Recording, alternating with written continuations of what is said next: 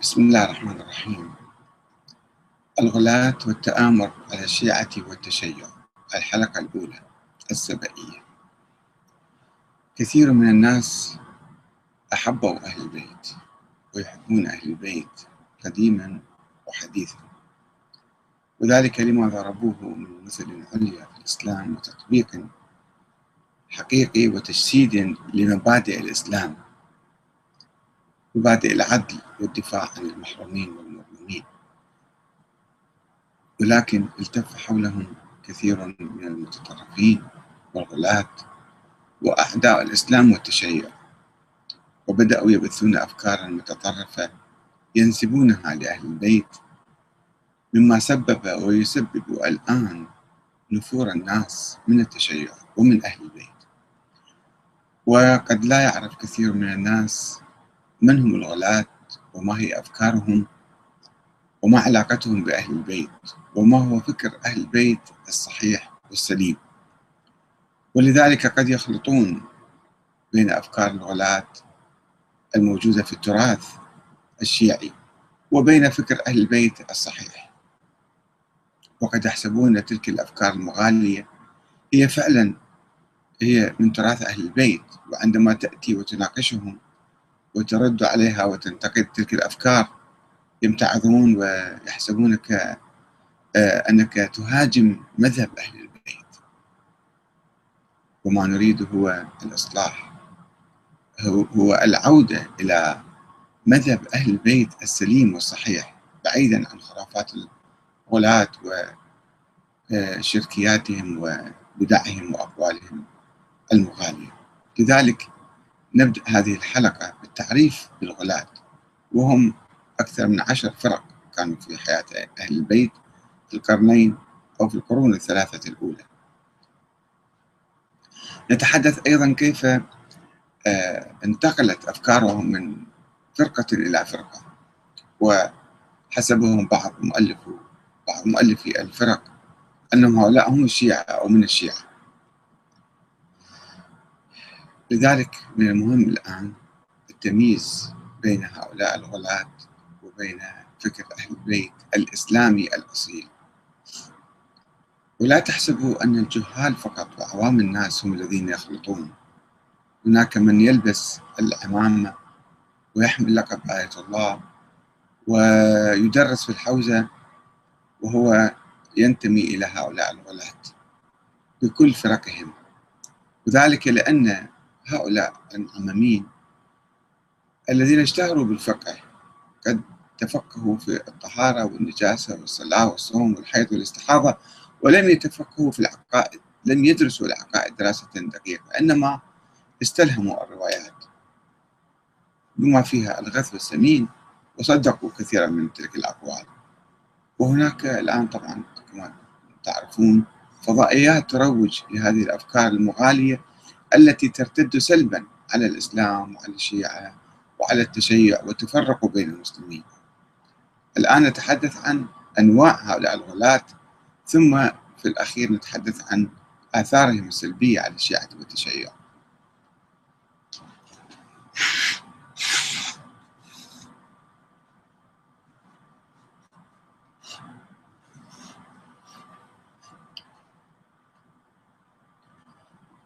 الغلاة والتآمر على الشيعة والتشيع أولا السبعية.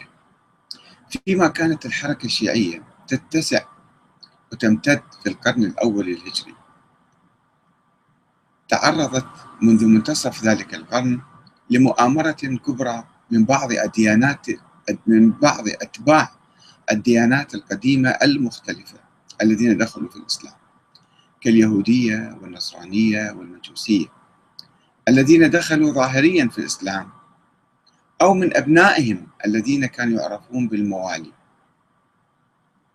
الذين والوا القبائل العربية وهم الذين عقدوا الولاء مع القبائل العربية التي فتحت بلادهم وخصوصا في العراق. وقد حمل هؤلاء بعضا من عقائدهم وأفكارهم السابقة وحاولوا إدخالها في الإسلام لينسفوه من الداخل. وفي الحقيقة كانت محاولتهم بمثابة ردة كبيرة ثانية مبطنة عن أهم أركان الإسلام كالتوحيد والنبوة والمعاد وخطوة نحو التحلل من قوانين الشريعة الإسلامية. وكان مدخلهم إلى ذلك الغلو في أئمة أهل البيت ثم ادعاء النبوة لهم ثم ادعاء الألوهية للأئمة. والنبوة لزعماء الغلاة. أما أداتهم في ذلك فقد كانت فكرة التناسخ والحلول التي كانت معروفة في الأديان السابقة. وهي نظرية قديمة كانت قبل الإسلام واستطاعت أن تحرف اليهودية والنصرانية وأن تخترقها وتحولها من التوحيد إلى تأليه بعض الأنبياء كعزير والسيد المسيح عليه السلام.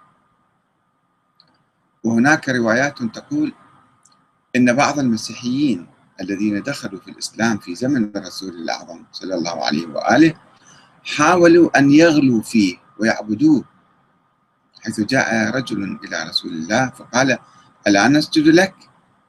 فقال صلى الله عليه وآله وسلم لا ينبغي أن يسجد لأحد من دون الله ولكن أكرموا نبيكم وأعرفوا الحق لأهله. وقال له رجل آخر قيل إنه أبو رافع القرظي أو السيد النجراني. يا محمد أتريد أن نعبدك ونتخذك ربا؟ فقال صلى الله عليه وآله معاذ الله أن نعبد غير الله وأن نأمر بغير عبادة الله.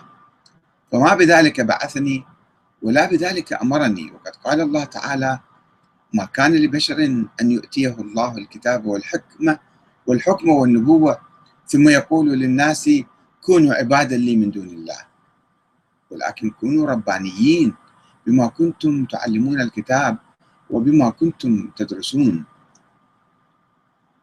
وفي هذا الصدد يشير المستشرق الأوروبي منتجم ريوات إلى كون بعض بعض قبائل جنوب الجزيرة العربية الذين دخلوا التشيع كانوا على المسيحية المونوفوستية التي تلقي الرداء الألوهية على المسيح وأنهم في ممالك جنوب الجزيرة العربية كانوا يعتبرون الملك قائدا كاريزميا يعني بشرا خارقا.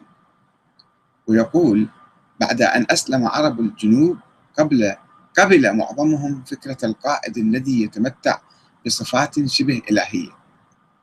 ويمكن أن نعزو انجذاب هؤلاء نحو الإسلام إلى أنهم رأوا توفر الصفة المذكورة بمحمد واعتقد هؤلاء أن خلاص الفرد يتحقق عندما يكون عضوا في مجتمع يقوده فرد يتمتع بصفات شبه إلهية. طبعا كما تعرفون أن هذه القبائل آه، جاءت إلى العراق وإلى إيران يعني القبائل الجنوبية في الفتوح الإسلامية جاءت وسكنت الشام والعراق وإيران وإلى جانب هؤلاء اليمنيين انضم إلى التشيع الكوفة الموالي الذين قدموا من أصول إيرانية. وقد ورث هؤلاء من أسلافهم فكرة عبادة الملوك واتصافهم بصفات الإله. فأخذوا ينظرون إلى الأئمة من أهل البيت كما كانوا ينظرون إلى ملوكهم السابقين. ولئن فشل المتآمرون في الترويج لأفكارهم المنحرفة في زمن الرسول الأعظم فإنهم نجحوا جزئيا فيما بعد وذلك على يدي عبد الله بن سبأ. هذا طبعا شخصية جدلية في ناس يثبتون وجوده في ناس ينكرون وجوده في ناس يعني يعطوا أدوار معينة وناس يغالون فيه فينسبون إليه كل الأحداث التي حدثت في زمن معين. ويعتبروه محرك التاريخ. الآن نعرض مختلف الآراء حول هذا الشخص. ولكن المؤرخ الشيعي المتكلم الحسن بن موسى النوبختي آه، يقول عنه اللي هو كان في أواخر القرن الثالث الهجري يقول عن هذا الشخص أنه كان يهوديا فأسلم ووالى عليا وأظهر الطعن على أبي بكر وعمر وعثمان والصحابة وتبرأ منهم. وأنه كان يقول وهو على يهوديته في يوشع بن نون نبي من أنبياء اليهود السابقين بعد موسى بهذه المقالة. أن موسى أن يوشع هو وصي موسى يعني. فقال في إسلامه بعد وفاة النبي في علي بمثل ذلك. يعني الأفكار اليهودية السابقة ركبها على الإسلام والمسلمين. تجدون ذلك في كتاب النوبختي فرق الشيعة صفحة 22 وأيضا المقالات والفرق لسعد سعد بن عبد الله الأشعري القمي آه، اللي هو أيضا كان معاصر لهذا النوبختي.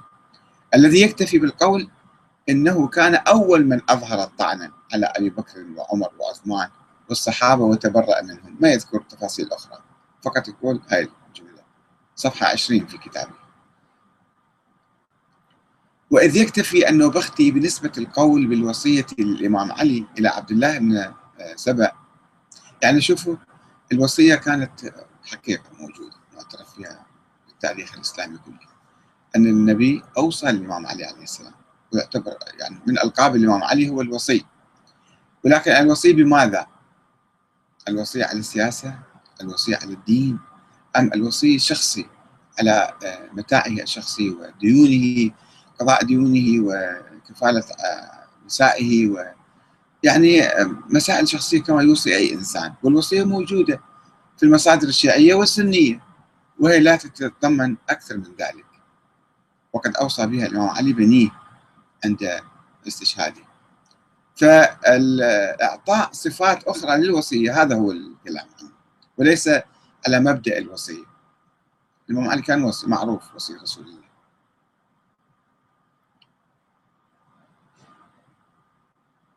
وإذ يكتفي أنه بختي بنسبة القول بالوصية للإمام علي إلى عبد الله بن سبأ أنه هو قال يعني أبتكر أبتكر هذه الفكرة ويقول أن الإمام علي حاول قتله أنه بختي يقول. ثم تراجع أمام معارضة الناس لقرار قتله بسبب الدعوة لحب أهل البيت وولاية الإمام علي والبراءة من أعدائه. فصيره إلى المدائن.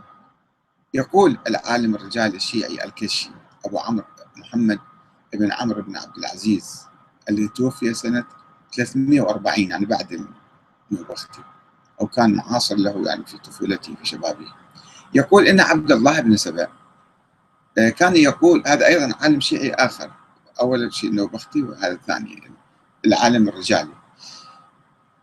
إن عبد الله بن سبأ كان يقول وهو على يهوديته في يوشع بن نون وصي موسى بالغلو كان يغالي فيه. فقال في إسلامه بعد وفاة رسول الله في علي مثل ذلك.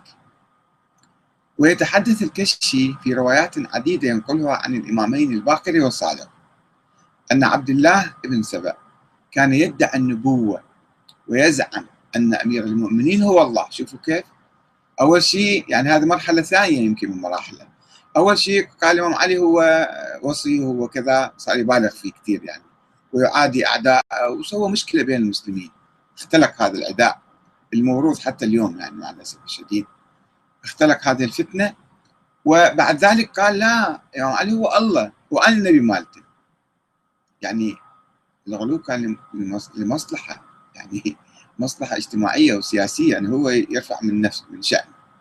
هذا الكشي ينقل هذه الروايات عن الباقر والصادق. تعالى الله عن ذلك علوا كبيرا. وأن ذلك بلغ أمير المؤمنين. فدعاه وسأله فأقر بذلك وقال نعم أنت هو. وقد كان ألقي في روعي أنك أنت الله وأني نبي. فقال له أمير المؤمنين ويلك قد سخر منك الشيطان. فارجع عن هذا ثكلتك أمك وتب. فأبى فحبسه واستتابه ثلاثة أيام فلم يتب فأحرقه بالنار. هذا الكشي يقول. الخوئي ماذا يقول؟ في معجم الرجال رقم 6889 يقول عن الكشي أيضا ينقل ويروي الكشي بأسناده عن هشام بن سالم. قال سمعت أبا عبد الله يقول إمام صادق يعني وهو يحدث أصحابه بحديث عبد الله بن سبأ.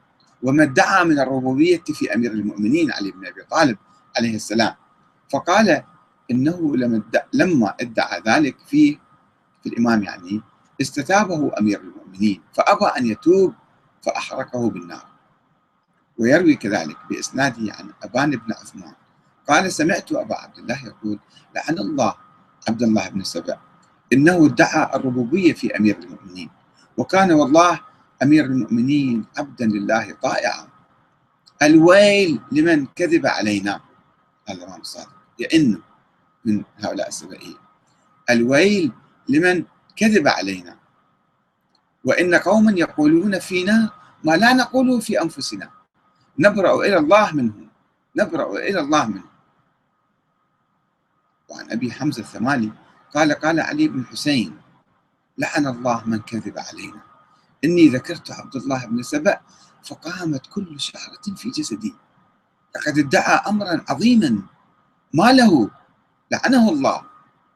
كان علي والله عبدا لله صالحا أخ رسول الله. ما نال الكرامة من الله إلا بطاعته لله ولرسوله. وما نال رسول الله من الكرامة من الله إلا بطاعته لله. ويؤكد ذلك. هذا السيد الخوئي أقوال عن الكشي طبعا قلت لكم الكشي نقل روايات عديدة يعني. ويؤكد ذلك الطوسي. الشيخ الطوسي شيخ الطارق الذي يقول إن عبد الله بن سبأ رجع إلى الكفر وأظهر الغلو. الطوسي في كتاب الرجال صفحة 51 وكذلك العلامة الحلي الذي يقول إن عبد الله بن سبأ غال ملعون. حرقه أمير المؤمنين عليه السلام بالنار. وكان يزعم أن علي عليه السلام إله وأنه نبي هو عبد الله بن سبأ نبي ما يعني شوفوا كيف يعمل الانحراف في الأمة الإسلامية وفي الإسلام. محاولة خبيثة يعني. وأنه نبي لعنه الله. وسعد بن آه، نفس الشيء نقل سعد بن عبد الله الأشعري القمي الذي يقول عن السبائية وقالوا بعد ذلك في علي أنه إله العالمين. وإذا أخذنا برواية الأشعر القمي والكشي والطوسي والحلي والخوئي أيضا فإن سبب قرار الإمام علي بإحراق عبد الله بن سبأ لم يكن الغلو البسيط به كالدعوة إلى حب أهل البيت أو البراءة من أعدائهم كما يقول النوبختي النوبختي في الحقيقة كأنه يحاول أن يخفف المسألة.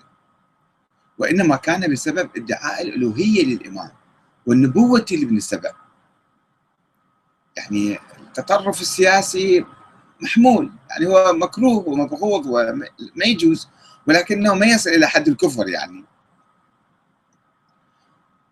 وقال أبو الحسن الأشعري معروف إمام أهل السنة توفى سنة 330 في ذكر السبائية في مقالات الإسلاميين. عنده كتاب اسمه مقالات الإسلاميين. فيذكر فرق الشيعة ويجيب السبائية يقول وهؤلاء السبائية يقولون يجيب تفاصيل طبعا عنهم. مو بعيدة يعني. وهؤلاء السبائية يقولون عند سماع الرعد السلام عليك يا أمير المؤمنين. وقال أبو الحسين الملطي توفى سنة 377 والفرقة الثانية من السبائية طبعا هم تفرقوا فرق مع الزمن يعني. أن عليا لم يمت وأنه في السحاب. وإن وإذا نشأت سحابة بيضاء صافية منيرة مبركة مرعدة قاموا إليها يبتهلون ويتضرعون ويقولون قد مر بنا السحاب. يعني يقصدون الإمام علي. وقال البغدادي اللي توفى سنة 419 في الفرق الفرق بين الفرق وزعم بعض السبائية أن عليا في السحاب وأن الرعد صوته والبرق صوته. ومن سمع من هؤلاء صوت الرعد قال السلام عليك يا أمير المؤمنين. وروى عن الشاعر أنه تبرأ منهم وقال ومن قوم كانوا آه، ومن قوم إذا ذكروا عليا يردون السلام على السحاب. وقال ابن حزم توفى 454 في كتابه الفصل آه، بين الفرق وقالت السبائية أصحاب عبد الله بن سبأ الحميري اليهودي في علي. كذا كذا وأنه في السحاب. وقال صاحب البدء والتاريخ وأما السبائية فإنهم يقال لهم الطيارة. يزعمون أنهم لا يموتون وإنما موتهم طيران نفوسهم في الغلس في الظلام يعني. وأن علي لم يمت وأنه في السحاب. وإذا سمعوا صوت الرعد قالوا غضب علي. وقال الإسفرائيني توفى سنة 471 عن السبائية. وقال بعضهم هو في الغيم. والرعد صوته والبرق صوته وإذا سمعوا صوت الرعد قالوا السلام عليك يا أمير المؤمنين. ثم ذكر البيت. ومن قوم إذا سمعوا كذا هذا يقول الشاعر. وقال أبو محمد عثمان العراقي توفي نحو 500 500 الهجرة. وأما السحابية فهم طائفة يزعمون أن عليا رضي الله عنه مع كل سحاب والرعد صوت علي وما من نكاح إلا ويحضره علي. وإنما تنعقد الأنكحة بشهادته. وبعض هذه الطائفة يزعمون بأن شهادة الله ورسوله كافية في الأنكحة. أنا واحد مسلم يعني. ولا افتقار إلى شهادة الآدميين. ويزعمون أيضا أن عليا لم يمت وأنه سيرجع عن قريب وينتقم من أعدائه. وقال بعد هذا في تعريف السبائية. وأما السبائية هم طائفة ينسبون إلى عبد الله بن سبأ. وهم يزعمون بأن عليا حي لم يمت وهو مع كل سحاب يدور والرعد صوته وسيرجع عن قريب فينتقم من أعدائه. وابن سبأ هذا كان يدعي أن عليا إله العالمين. وقال في جواب من تخيلهم بالسبائية بعد هذا روي آه، أنه لما قتل علي رضي الله عنه قال ابن سبأ إن عليا حي وهو مع كل سحاب والرعد صوته. فقيل له فمن الذي قتله الملعون ابن ملجم؟ قال كان ذلك شيطانا في صورة علي. فقيل له هذا الباطنية يقلبون الأمور دائما. فقيل له لو كان ابن ملجم قتل شيطانا لكان يستحق المدح فلماذا تلعنون